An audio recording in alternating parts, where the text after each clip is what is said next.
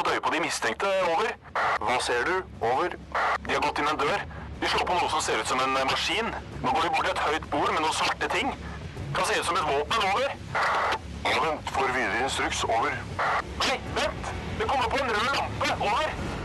Røverradioen. Norsk fengselsradio. Så ryddig du har det på cella, Tina. Takk skal du ha. Det er hyggelig å ha deg på besøk her, Maike. Ja, nå føler jeg jo at jeg har liksom fått tre inn i det aller helligste. Men det har du. Det er ikke det. noe du trenger å føle sånn Nei, det er, det er sånn. Ja. Ja. Det her er min hellige space, liksom. Mm. ja.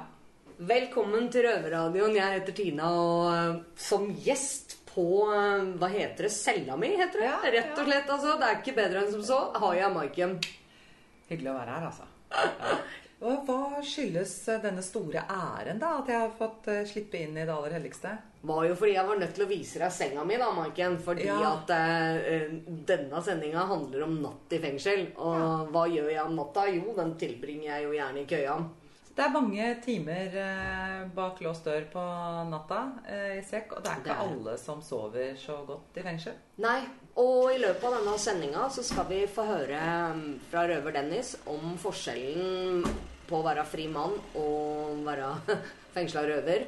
Og i hvert fall for han som har vært en litt sånn eh, nattens konge. eh, Absolutt. Og deltatt i nattelivet på utsida. Vi skal også få høre fra helseavdelinga på- i Oslo fengsel, som forteller eh, litt om hvordan man best kan få en bra nattesøvn. Ja.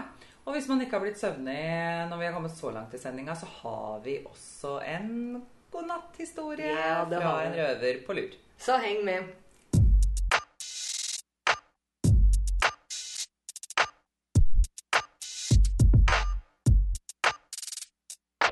Jeg har egentlig alltid vært eh, Altså ikke sånn som den, men jeg har vært et nattemenneske. Jeg har vært glad i natta. Men her inne så blir jo natta veldig, veldig lang. Også fordi at den på mange måter starter når det så vidt er blitt kveld. Ja, altså natta her, spesielt i helgene, da blir jo vi låst inn halv sju. Da sier betjentene god natt. Og så blir ikke den døra åpna ordentlig eh, før klokka er kvart over elleve dagen etterpå. Ja, i mellomtida så må vi morgen, ja. ikke sant? I mellomtida så må vi ringe på Ja, hvis vi skal ut og tisse og det sånn. må vi. Så 17 timers natt da gjør jo natta ufattelig lang og trang. Det blir noen gang. timer å slå i hjel. Ja. Men nå skal vi over til Mali og Dennis i Oslo for å få høre mer om den søvnbiten av natta. Yep.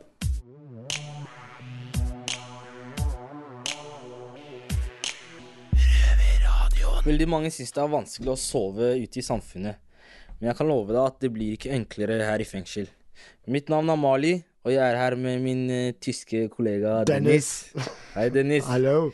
Hvordan er ditt forhold til søvna? Som, jeg, jeg kan sove godt. Sove greit? Ja, det er greit å sove, men uh, fra begynnelsen av fengselstid jeg har problemer. Mm. Som uh, jeg prøvde å ta den uh, pinke sovemiddelet fra helse her. Ja. Sovetabletter. Så, ja, men det er ganske dritt. Ok. Så du er sliten hele dagen. Ja. Og så det kan ikke ta an andre ting. Men uh, Så jeg stopper den. eh, Jeg mediterer og så, men uh, vel altså, Har du problemer med å sove nå? Jeg hadde til å begynne med de første to-tre ukene. Da når jeg kom hit, så Jeg pleide å røyke cannabis en del ute. Så jeg Når jeg skulle legge meg, så merka jeg at jeg ikke kunne sove. Så tenkte jeg kanskje det skyldes av det, da. Men eh, jeg eh, holdt meg Jeg bare prøvde på alle mulige måter å sove. Og jeg gikk ikke på noen tabletter som jeg fikk av helse. Så etter et, en måned cirka så klarte jeg å få søvnen tilbake, da. Men det var et problem, fordi ute var det jeg røyka hele tiden. Og sammen med flere kompiser av meg, de har fortsatt det problemet. De må liksom røyke en eh, joint liksom før de skal gå og legge seg. Ja, Det vil bli bedre enn uh, helsepiller. Ja, den uh, Det føles nesten som du har hangover, har jeg hørt, når du tar den uh, medisinen, da.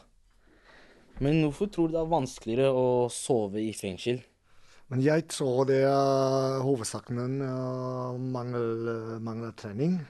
Bevegelsen. Ja, Så du, du, du får ikke gjort så mye, ikke sant? det er ingenting. Og så er er det- Ja, og så er det mange som eh, kommer og blir fengsla, og så har de ikke vært så lenge i fengsel. Det er i starten av perioden sin, og det er veldig mye tanker. De har bekymringer. Ting ute. Ja. De sitter i varetekt. Du vet, det er veldig mye tanker, og du er alene i en celle. Det blir jo bare verre. Søvnen kommer ikke fortere av det, liksom.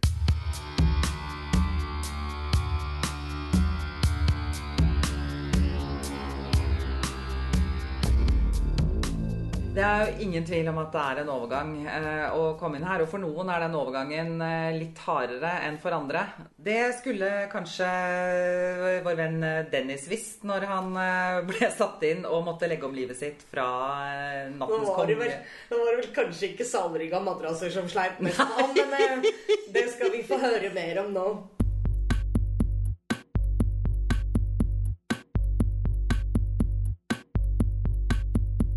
Hei, jeg heter Joakim, og jeg er produsent i Røverradioen. Vi har jo en relativt uh, tysk uh, røver, og han har skrevet en tekst som jeg nå skal lese opp. Det er om natten jeg begynner å leve. I Berlin starter helgen på torsdag og varer til tirsdag. Vanligvis skynder jeg meg inn til den travle storbyen torsdag kveld.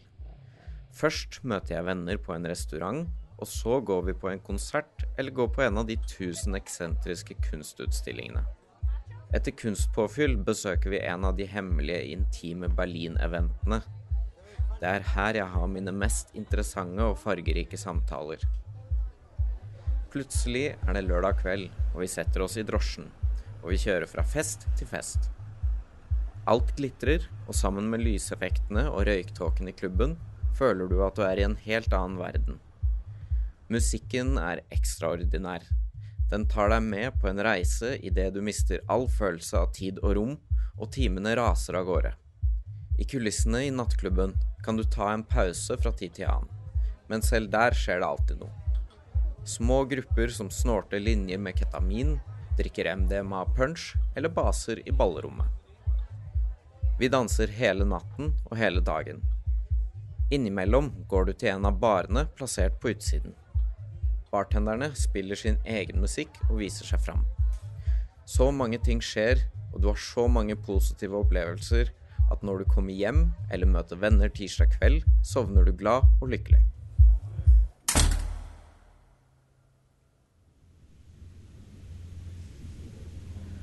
Nå er jeg i fengsel, og natten min starter med en dør som blir lukket og låst. Så kommer stillheten. Den eneste menneskelige lyden jeg hører nå, er lyden fra innsatte i andre celler som skriker og banker i veggen. Skrikene er lange, og tiden går sakte.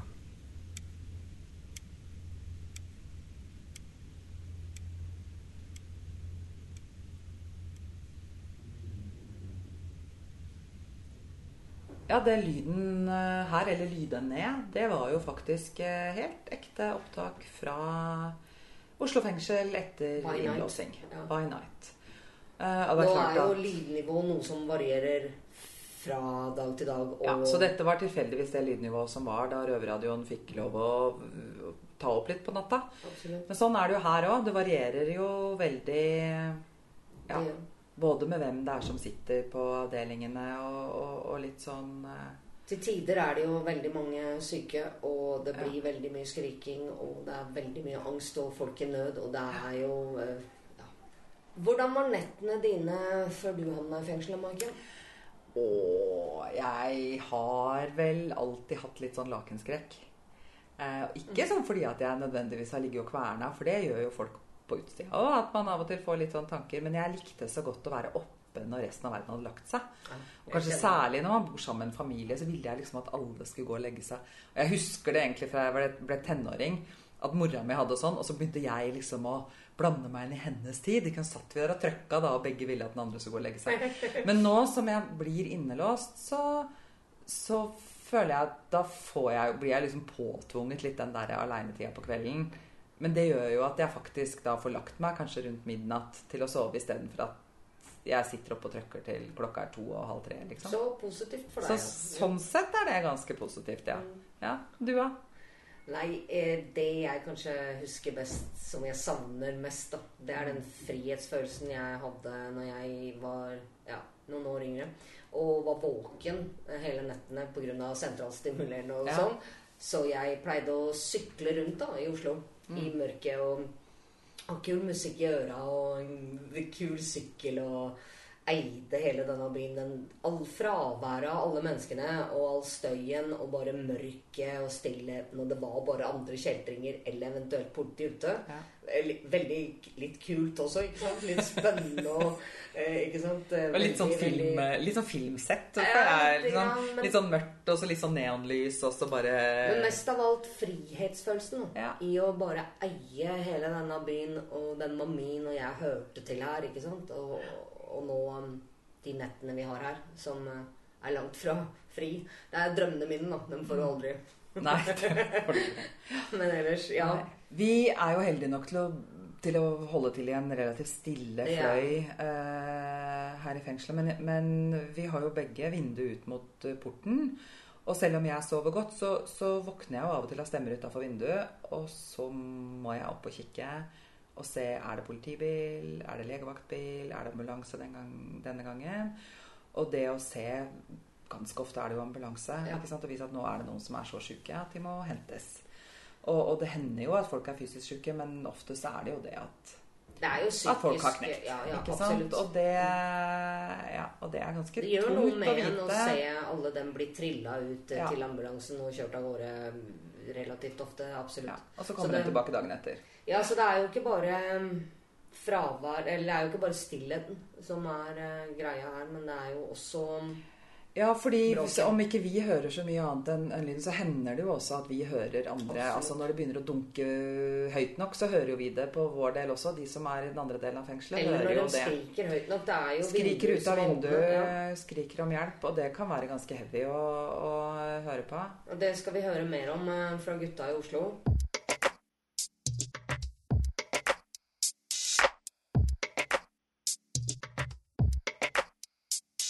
Vi snakker om nattestid i dag.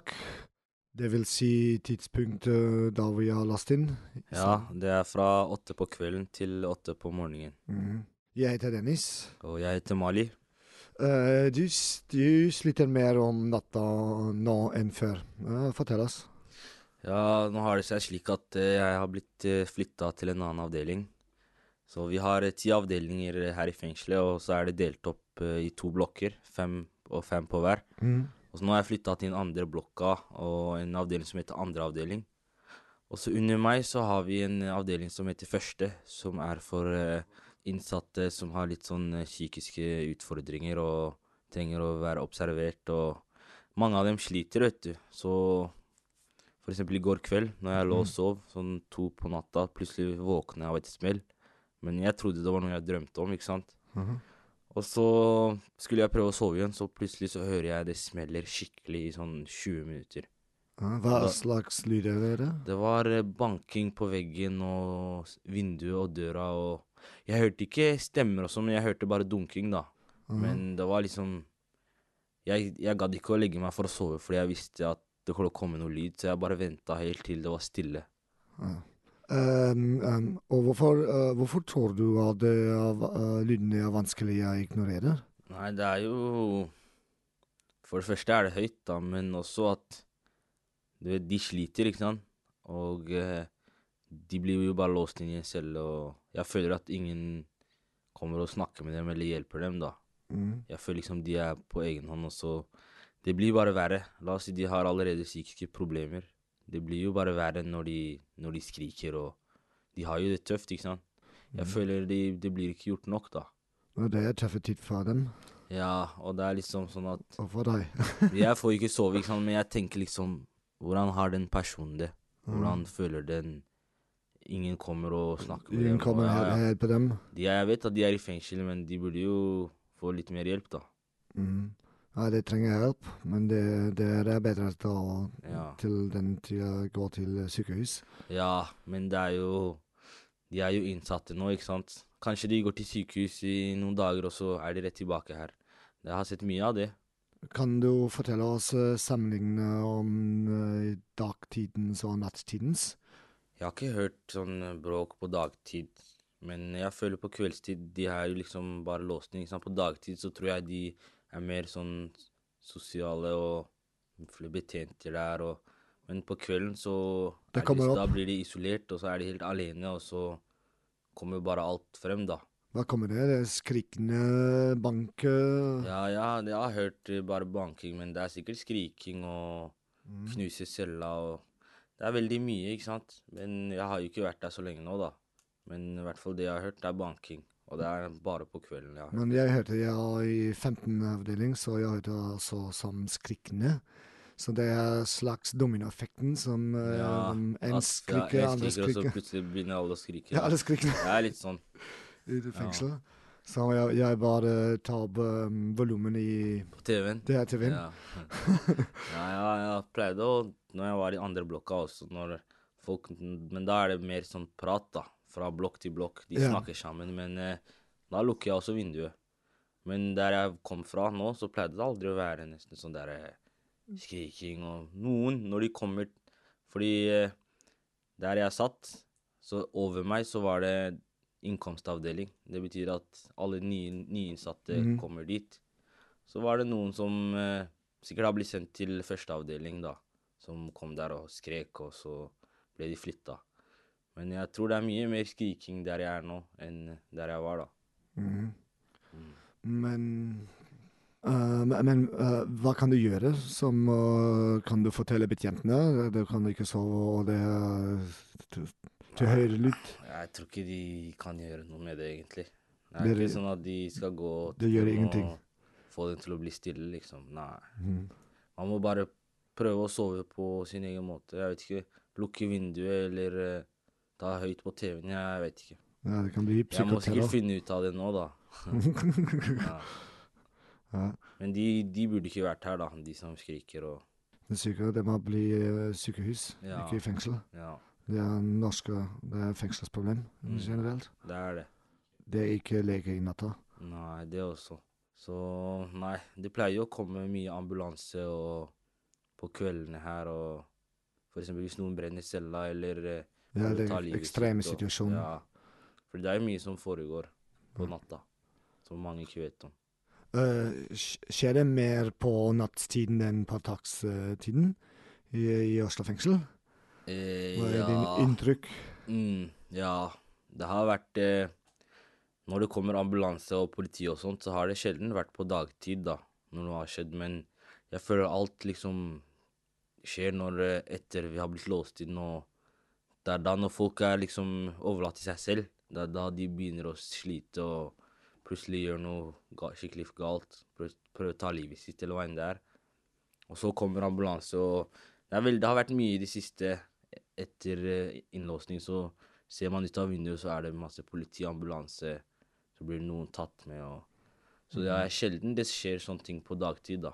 Mm. Og helgene er litt annerledes òg. Helgene er veldig tidlig innlåsning, ikke sant. Mm. Det er jo fra seks eh, og det Seks i liksom- kvelden ja, ja, i- er liksom I elleve i måneden. Ja. Og da har jeg merka at uh, veldig mange sliter. Og det med en gang Plutselig jeg blir låst inn klokka seks, og så ser jeg litt på TV, så hører jeg folk skrike fra vinduet Ja, til politi eller hva enn det er, og så ser jeg plutselig ambulanse og masse kaos. Så det er for det meste på kveldstid det skjer, ja. Jeg håper jeg får sove bedre fremover, eller bli flytta fra der jeg er nå. Mhm. Tilbake. Ja. Og du trenger sterkere sovemidler. Ja, jeg bruker ikke sovemidler. Holder meg unna det.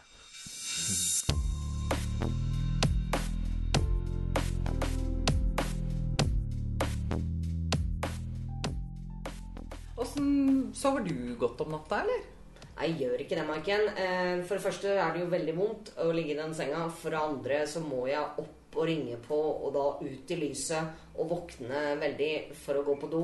Mm. Så, så um, det blir veldig oppdelt søvn. Og eh, du, da? Åssen sover du? Jeg sover egentlig uforskamma godt, altså. Jeg gjør det. You lucky bastard! Har ikke dårlig samvittighet for noe, vet du. Nei, nei, bra. Men hvis du som hører på har, sliter med søvnen sjøl, så har vi faktisk, eh, eller gutta i Oslo fengsel, da, har ordna profesjonell hjelp. Yes. Så tilbake igjen til Oslo.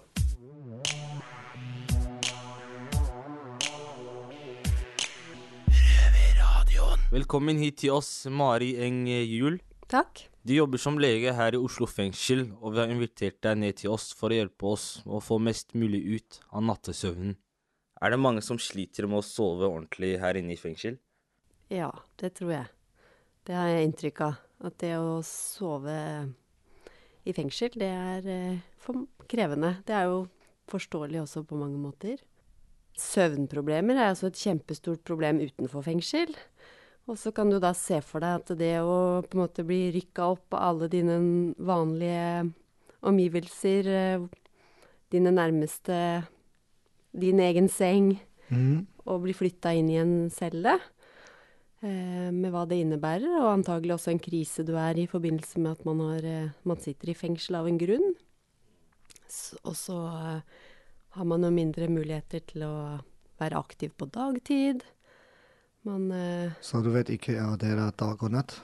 Ikke sant? Så skillet mellom dø døgnets rytme blir, blir jo forskjøvet fort. Det er i hvert fall noe med rammene i fengsel som fort gjør det veldig vanskelig, ja. Mm. Mm. Jeg lurer på egentlig hva som skal til for å få legemidler her i fengsel. Jeg føler liksom det er ganske lett å få tak i det, da. Hva er liksom Holder det å bare si at jeg er urolig, og så får du noe beroligende, eller hvordan, hvordan funker det? Det håper jeg ikke. Fordi jeg føler det er sånn, Ja. egentlig. Fordi det er jo veldig mye medisinering i fengsel. Så Ja. når jeg kom hit, jeg trodde ikke Det er liksom sånn sykehustilstander. Ja. Så jeg bare er- lurer på egentlig hva som skal til for å få utskrevet sånn B-preparater eller eh, ja, CB-preparater. Ja. Nei, det skal jo være en ordentlig vurdering av det. Og det er nok eh, Det kan jo fort sikkert være det litt sånn fordi også man Ja, man skulle sikkert gjerne ønske at man eh, kan putte noe i munnen som gjør at ting blir lettere. Og noen sier jo på en måte Kan ikke du bare legge meg i narkose, på en måte? Jeg orker ikke å leve i det her. Og at på en måte det Den det ønsket eller det behovet for å på en måte døyve noe på det man kjenner på, det, det er veldig sterkt hos mange, da. Men det skal jo være på en måte på samme måte som ute. At man på en måte gjør en ordentlig vurdering av hva som er eh, hensiktsmessig. Og så bør det også være en avgrensning på tid. At man har en tanke på ok, kanskje er det riktig nå å gi deg en pause i krise som du er i nå, men så bør man alltid ha en tanke om, om eh, avslutning. Og så lurer jeg på hvor mange, eller har dere noe tall på hvor mange som eh, bruker medisiner for å sove her i fengselet? Er det liksom vanlig sammenlignet med andre fengsler? Å, det skulle ønske jeg hadde svar. Det burde jeg. Da, det fins det nok litt overs, noen oversikter over, men det, det har jeg ikke sånn, på, sånn ut, uten å ha forberedt meg på det. Ja. Men det er, det er mye bruk av medisiner i, ja. søvnmedisiner i uh, Oslo fengsel. Det er det nok også i andre fengsler.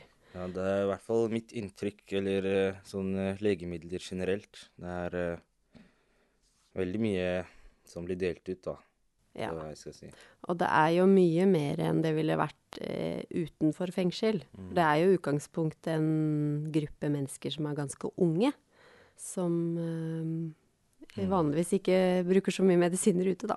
Ja. Men det er jo en del også jo, ja, Som vi snakka om i stad, er det jo noe med de omstendighetene. Og kanskje en del som har brukt rusmidler ute for å sove. Ja, sammen med som spiller inn. Som spiller inn, da. Um, hvilke medisiner er det som brukes mest? Som sovemedisin. Ja, Ja. Det, Som for eksempel Seroquel? ja, det brukes mye. Ja. Det er mange som opplever det som eh, at det hjelper. Det er um, utgangspunktet egentlig lagd for å være en antipsykotisk medisin. Men da brukes det i veldig høye doser. Mens eh, den, den effekten som gjør at man blir litt trøtt, eller som også hjelper en del mot Mange opplever at det hjelper mot angst. Den skjer allerede med lavere doser. Sånn at i hvert fall i en kortere periode så, så, så kan den ja, hjelpe mange. Mm. Fordi vi, vi hadde en røver her tidligere som var med på redaksjonen her. Han, eh, han gikk jo på Serikveld. Og så når han fikk permisjon, så fikk han jo ikke sove. Fordi han hadde ikke med seg tabletter, han fikk jo ikke noe med seg herfra heller. Så tenker du at det er veldig mange som blir avhengig og etter hvert ikke klarer å sove uten eh, sovemedisinen, da. Mm. som det kalles. Absolutt. Det jo, og det er jo noe med hvordan det man blir Man er veldig avhengig Akkurat som når man er et lite barn, så er man veldig opptatt av å lage gode sånne rutiner før man skal legge seg. Så skal man pusse tenner, og så skal man bade, og så skal man synge den og den sangen. Og det, sånn er det litt for oss når vi er voksne også. At eh, Å på en måte gjøre helt like ting og begynne å forberede hjernen på at nå skal vi sove. Og så hvis en av de tingene også er å ta en medisin, så blir man også helt sånn rutinemessig avhengig av å ta en pille for å sove. I tillegg til selvfølgelig at den medisinen også kjemisk i hodet gjør deg trøtt. Men, men, eh, men det å, å ta en medisin for å sove, det kan man bli avhengig av. Eh, så det vil jo være fornuftig i en sånn periode at man ikke bråslutter med det. At man kanskje Ja, trapper ned. trapper ned og venner seg litt av med det. Og Hva kan du gjøre når du uh, tar en pause? Du kan ikke sove? Forst, Forsto jeg ikke helt pause fra medisin, eller pause fra Fra er ja. Ja, ikke sant? Nei, det, da gjelder det jo å være litt forberedt eh, på at nå skal jeg prøve å Nå har jeg kommet inn i en god rytme på andre måter, ikke sant? Nå gjør jeg kanskje andre ting på dagtid som gjør at jeg tenker at det er annerledes nå enn det var for en tid siden. Jeg har lyst til å prøve å komme meg av sovemedisiner. At det er en litt sånn planlagt ting. Forutsigbart, og ikke bare plutselig fra en dag til en annen. Og at man da også er litt forberedt på at nå vil jeg kanskje sove litt dårligere en liten periode, og jobbe litt på en måte med tankene sine på at det ikke nødvendigvis trenger å være så dramatisk. Og det å tåle da å stå litt i det at det er nok litt krevende periode, men hvis man har forberedt seg på en måte å, å, å holde det litt ut da, og gjør andre ting som er viktig for søvnen. Fordi det man vet mye om, det er at det er de andre tingene som er det viktigste for søvnen. Det er ikke medisinen. Det er rutinene, hverdagsrytmen og det man gjør på dagen som er det viktigste. Okay. Fordi jeg selv har jo en del eh, unge kompiser som bruker cannabis som hjelper dem på en måte med å sove, da. Hvor eh, stor påvirkning har rus eh, på søvnen, egentlig? Nei, det blir jo litt som en medisin, det, da. At du, du lærer hjernen din at du trenger den cannabisen for å sove. Slø, liksom sløver ned hjernen din. Mm. Sånn at du Og som handler jo kanskje også ofte om at mange mange i fengsel har jo også ulike psykiske utfordringer. Kanskje bruker man rusmidler for å holde det på avstand. Eh, og når man ikke har rusmidler for å holde det på avstand, så blir det veldig overveldende. Eh, og så får man søvnvansker. Ja. Hva skjer med det som ikke får sove? Blir det veldig, veldig påvirket? Om det er farlig å ikke få sove? Ja. Um, ja og nei. Mm. Sånn kortvarig å ikke få sove er i utgangspunktet ikke farlig. Og det er viktig å på en måte si, si, være klar over, sånn at man ikke blir livredd for at å nei, nå, nå får jeg ikke sove, nå går alt dritt, nå får jeg ikke til noen ting. Så da blir det sånn verstfallstenking som selvfølgelig gjør at man sover enda dårligere. Men det å ikke sove over tid, og kanskje sammen med andre ting også, at man ikke da, at man isolerer seg kanskje, at man blir liggende mye i senga, det kan føre til sykdom. Til Og- sykdom som Mer i det ofte litt sånn psykologiske sykdommer, da. Eller man kan også bli, hvis man er i fare for det, så kan man jo også bli litt psykotisk, faktisk. Eh, men men, det, det skal ofte Da er er er det ofte ikke bare søvnen, da. Da er det også ofte at man kanskje eh, strever med andre ting. Eh, I forhold til når man kommer inn i fengsel, så handler det jo litt om på en måte hva slags Hvor store søvnvansker man har, hvor alvorlige de er hvor lenge man har hatt det, om også man har det ute, om man har andre psykiske problemer som gjør at man skal være veldig raskt ute med å behandle søvnproblemer. Eller om det på en måte er en litt sånn kortvarig krise, så man tenker at nå, nå står vi litt i det her, og så ser vi det litt an. Så, så det blir jo en, en vurdering hvor raskt man skal være ute med å starte med medisiner. Og så har du jo på en måte sånne mer vanlige mm, innsovningsmedisiner, som er B-preparater. Og derfor også noe man er litt forsiktig med. Eh, Hvorfor forsiktig?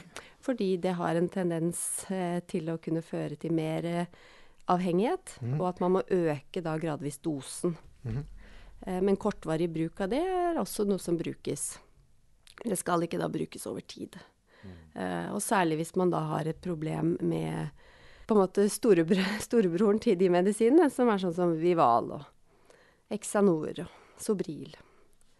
Eh, og så har man også en del eh, antidepressive medisiner, som også kan gjøre deg trøtt. Eh, og det mm, er også noe som brukes, særlig hvis man da har en del Hvis man har en depresjon i tillegg, så vil jo det være en fornuftig medisin, da. Ja, en spørsmål som men jeg brukte sovemidler fra helse. Um, jeg avslutter den. Uh, derfor er jeg trøtt hele dagen, så jeg kan ikke studere, ta ingenting. Det forstår jeg ikke. At du ble så trøtt av medisin på dagtid? Ja, ikke sant? Fikk en sånn hangover, det er det mange som beskriver. At man på en måte blir trøtt også på dagen. ja, det vil jeg ikke. Nei, det skjønner jeg godt. Og nå er du uten medisiner? Nei, jeg er uten, men uh, Mhm. nei, jeg er min rytme, men fra begynnelsen i fengselstid, det er et problem. Jeg kan ikke sove, og dags jeg er trøtt. Hmm. Det, det, det, det, det, blir jo en sånn eh, totalvurdering, da, ut ifra om, om hva slags medisiner som er eh, Som jeg sa litt i stad om, om at eh, noen medisiner som er mer sånne rene innsovningsmedisiner, som mange kanskje egentlig ønsker seg at det er de de skal få, eh, og som de opplever kanskje at eh, vi legene er eh, kritiske til. Eh, og det handla jo da nettopp om det med, med faren for avhengighet og faren for eh, at man trenger økt dosering. Særlig hvis man har hatt en historikk med rusproblematikk. Jeg har skjønt at det er en del vaner man har for å kunne få sove bedre. Kan du fortelle litt om eh, Eller har du noen tips til eh, hvordan man kan få sove bedre hvis man har vansker? Ja. Det, det forutsetter jo litt at man har på en måte et slags overskudd til å klare å gjøre det. Fordi i en sånn krise man er i fengsel, så kan kanskje det kjennes helt sånn utilgjengelig. Men det det, det det handler om, da, det er det med å skille mellom dag og natt. Eh, få mest mulig lys om dagen, mest mulig aktivitet om dagen. Gjøre noe som er meningsfullt. Eh, da vil hjernen bli trøtt om kvelden. Eh, og så handler det om å ikke assosiere senga med andre ting enn søvn.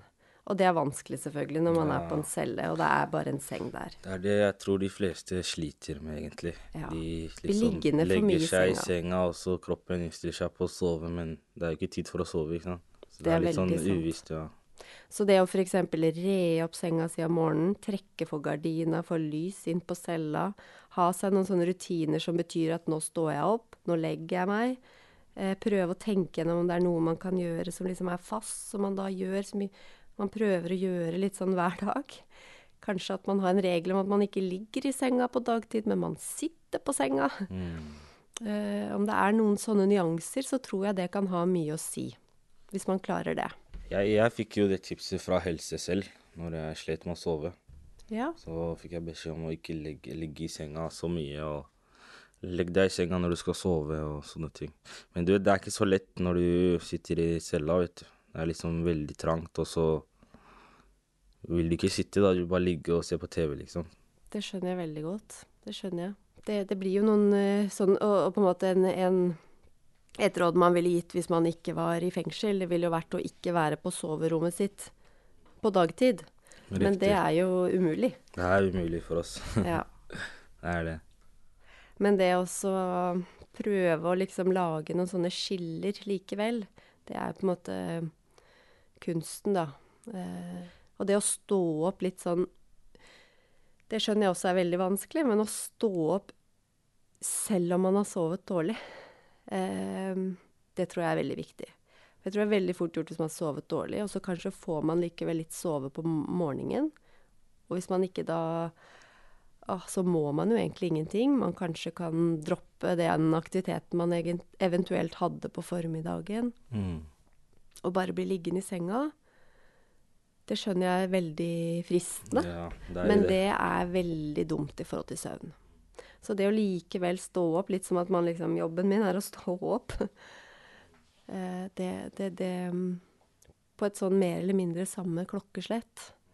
Det får man igjen for, da. Mm. Yes. Uh, har du noe mer å stille? Nei. Jeg, det høres greit ut. Jeg takker deg, Mari. Yes. Den spesialisten i Oslo fengsel. yes.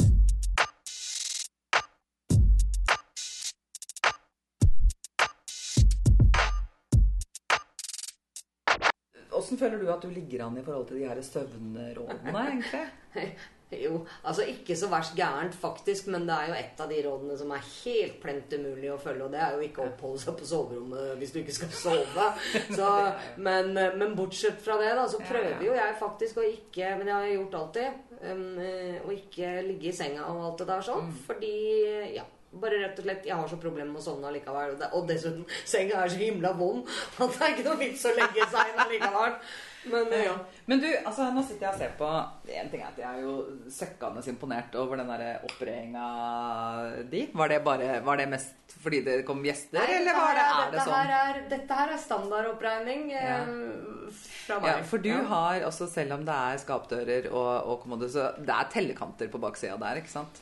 Men tyst med deg, kvinne. Ja, det er klart det er det. det Ordnung. Mossein. Ja. Men du lærte jo meg altså Fordi at det å få sånn der laken Altså På utsida har jo jeg liksom i 30 år brukt sånn der formsydde Stretchlaken, ja. ikke sant? Og så kommer du her, og så får du et sånn der sånn glatt laken, og skal få det til å feste på en eh, plastbelagt eh, skumgummimadrass, og det bare sklir og vet, surrer seg rundt. Og da Og så fikk jo jeg, ja, for ja. først så fikk jeg egentlig bare tips om at man lagde knuter, litt sånn som man har sånn lommetørkle på huet, liksom. Så lager man knuter i hjørnene. Men det satt jo ikke ordentlig. Nei, det er jo ikke greia. Altså, Som du ser, her er det jo ikke en, Ja. en kant. Her er det jo ikke en, en skrukke på lagtene mine. Og det er av den enkle grunn at jeg knyter det godt sammen hvert hjørne. Ja. Her, da. Her ser du jo hvordan denne her er bindet, vet du. Med knuter. Og så er det bare å stramme opp her. Så blir det veldig bra. Og da knyter du liksom inni madrassen. under, ja. Og så når den liksom folder seg ut gjennom madrassen, så strammer den lakenet skikkelig. Det Jeg ble veldig imponert over hvor lenge det holder seg. Det Altså. holder helt. Det er bare Det va- van vanskelige er jo å få det av igjen når det skal vaskes. Ja, for det er eh, grådig stramt. Ja, det er, ja, på en måte. Og så er det noe med at det, du kan jo ikke vaske det med knutene, for da får du i hvert fall ikke opp knutene igjen. Så du må jo av med knutene før du sender det til vask. Ja. Men, men det, det går. Ja. Men her inne, du er altså ganske flink, for du sitter faktisk ikke i senga og ser på TV. Du sitter på den der stolen Lenestolen ved siden av, eller lenestol, kontorstol, Ja. som det er, eller et eller annet sånt. Ja. Ja, jeg syns at min er såpass vond, men jeg prøver å være litt flink. da. Jeg er ikke like disiplinert som deg, men jeg sitter alltid i fotenden av senga. liksom, Sånn at på en måte, jeg ligger ikke liksom under dyna og ser på TV. Jeg liksom skyver den litt ut. Så jeg prøver å liksom ha to bruk, da. Denne enden, da sover jeg. Aha. Andre enden, okay. da er det Ja, ja, å se på Det er et bra søvnhygienetriks, det der.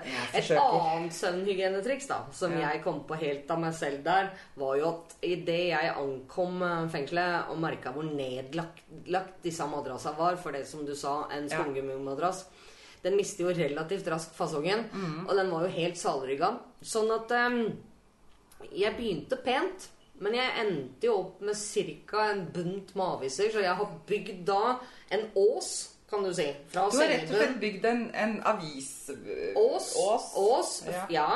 Sånn at da blir madrassen totalt sett flat. Eh, Da slipper jeg den salryggen, så jeg slipper å dette ned med korsryggen. Men det jeg lurer litt på, er liksom Altså hvis den er ligger sammen på midten, den madrassen din Altså blir ikke det hardt når den på en måte da Hvis den treffer liksom avis... Nei, men det er jo en kunst, dette her aviseriet. Det er ikke gjort Du, du får ikke til den perfekte åsryggen på Nei. første forsøk. Og den har jo økt også, mengden aviser. Sånn at det litt er dobbeltbretta, noen er litt sånn, andre ah, andre er eh, putta litt Ja, i hele tatt, det er en kunst. Og den kan En vitenskap, synes En jeg, hel faktisk. vitenskap er det, ja, rundt det. Men i hvert fall det funka, da.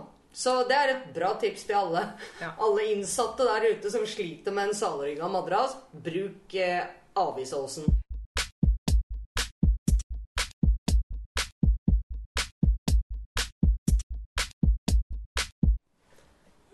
Det, Hvis jeg gaper nå, begynner du å gjespe da? Ja, det gjør Ja. jeg. Det er så smittsomt. Nå er denne sendinga nesten ved veis ende. Det er den. Men vi er tilbake igjen eh, neste søndag på NRK På P2, NRK P2, ja. 2030. ja. Eller på podkast når og hvor du vil. Hvis du ikke er frihetsberøva nå, naturligvis. Men først Jeg pleier jo å spørre deg hva du skal på cella, men nå er vi jo allerede på cella di. Det er vi. Og nå skal vi isteden få by på en En godnatthistorie Fra Røver-Miguel i Bergen. Bergen. Å, så koselig. Ja. God natt. Da får jeg svare sånn som jeg pleier å gjøre når eh, betjenten ønsker meg god natt og klokka og det ikke er blitt mørkt ute ennå. Da sier jeg 'takk for i dag'. Ja. Så Så godt, ja. God natt, min skatt.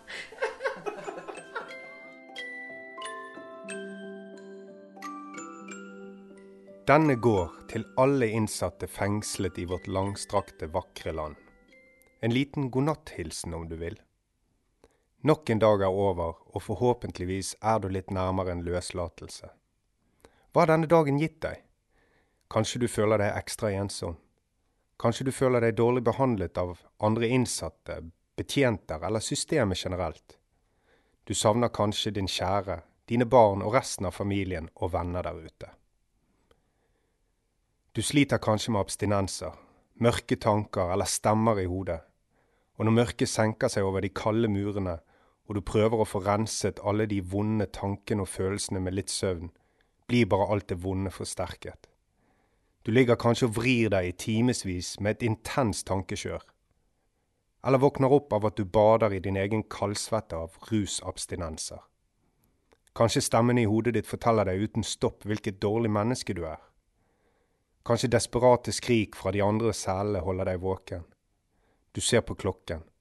Den er 03.45. Ingen hvile å få. Du slår på lyset. Veggene på cellen din synes å komme nærmere og nærmere. Du føler at du kveles sakte. Uten skikkelig søvn blir dagene også vanskeligere. De lange dagene. Men det er her nøkkelen ligger, mine kjære innsatte. Nøkkel til søvn, bedre mental og fysisk helse, selvtillit og selvutvikling. Alle steder hvor mennesker kan leve, kan man også leve godt. Det er alltid større muligheter enn det man tror, uansett hvor man er. Tøffe tider kan mykes opp, trange kår kan utvides, og en tung last kan lettes om vi bare bruker den rette kraften. Begynn i dag å ta kontroll over livet ditt. Begynn med små steg, ta ti armhevinger hver dag. Vask selen din og hold orden. En enkel ting som å re opp sengen kan gjøre underverker. Les en bok og riv deg løs ifra TV-en. Spis sunt, mer grønnsaker og mindre rødt kjøtt og sukker. Øk treningsmengden etter hvert. Fokuser på de små, positive tingene i hverdagen. Det er mange av dem, du må bare åpne øynene og ørene. Hold deg i bevegelse, finn din egen rytme og dine egne aktiviteter. Du lever, det er et godt tegn. Slutt å skylde på systemet eller Gud. Fjern deg fra følelser som sinne, avsky, misunnelse og anger. Husk å puste. Nelson Mandela satt fengslet i 27 fuckings år for å kritisere det brutale apartheidregimet i Sør-Afrika. Han bodde på en knøttliten celle av et kott med en bøtte som toalett. En gang i året fikk han besøk på 30 minutter. I 27 år prøvde de å bryte ham ned, men han lot seg ikke knekke. Mandela fant ut hva han måtte gjøre for å fortsette å utvikle seg som menneske. Han lot som om han hoppet tau og skyggebokset på selen for å holde seg i form. Han leste bøker så ofte som han kunne, og tok vare på sine medinnsatte. Han var veldig bevisst på å ignorere følelser som kommer når man blir behandlet dårlig. Ikke bli emosjonell, hold fokus. Hvis du blir dårlig behandlet, så tilgi vedkommende. De vet ikke hva de gjør, ellers hadde de ikke gjort det. Begynn i dag, ta kontroll. Beveg deg, spis sunt, tren hjernen, hør på røverradioen. Belønn deg selv innimellom, og søvn du lengter etter vil komme. Bli den beste versjonen du kan bli. Spreng grenser, mentalt og fysisk. Jeg vil avslutte denne godnatthilsen med et sitat fra min gode venn og inspirasjon Bruce Lee. Han sa, Be ikke om et enkelt liv, be om styrke til å kunne leve et vanskelig. God natt, folkens, og måtte kraften være med dere alle. Det har vært stille fra over en time. Hva skjer? Over. Det er bare et radioprogram. Det er lettere å høre på dem der. Over. Ja, vet du når det går, da? Over. Det er samme tid og samme sted neste uke. Over.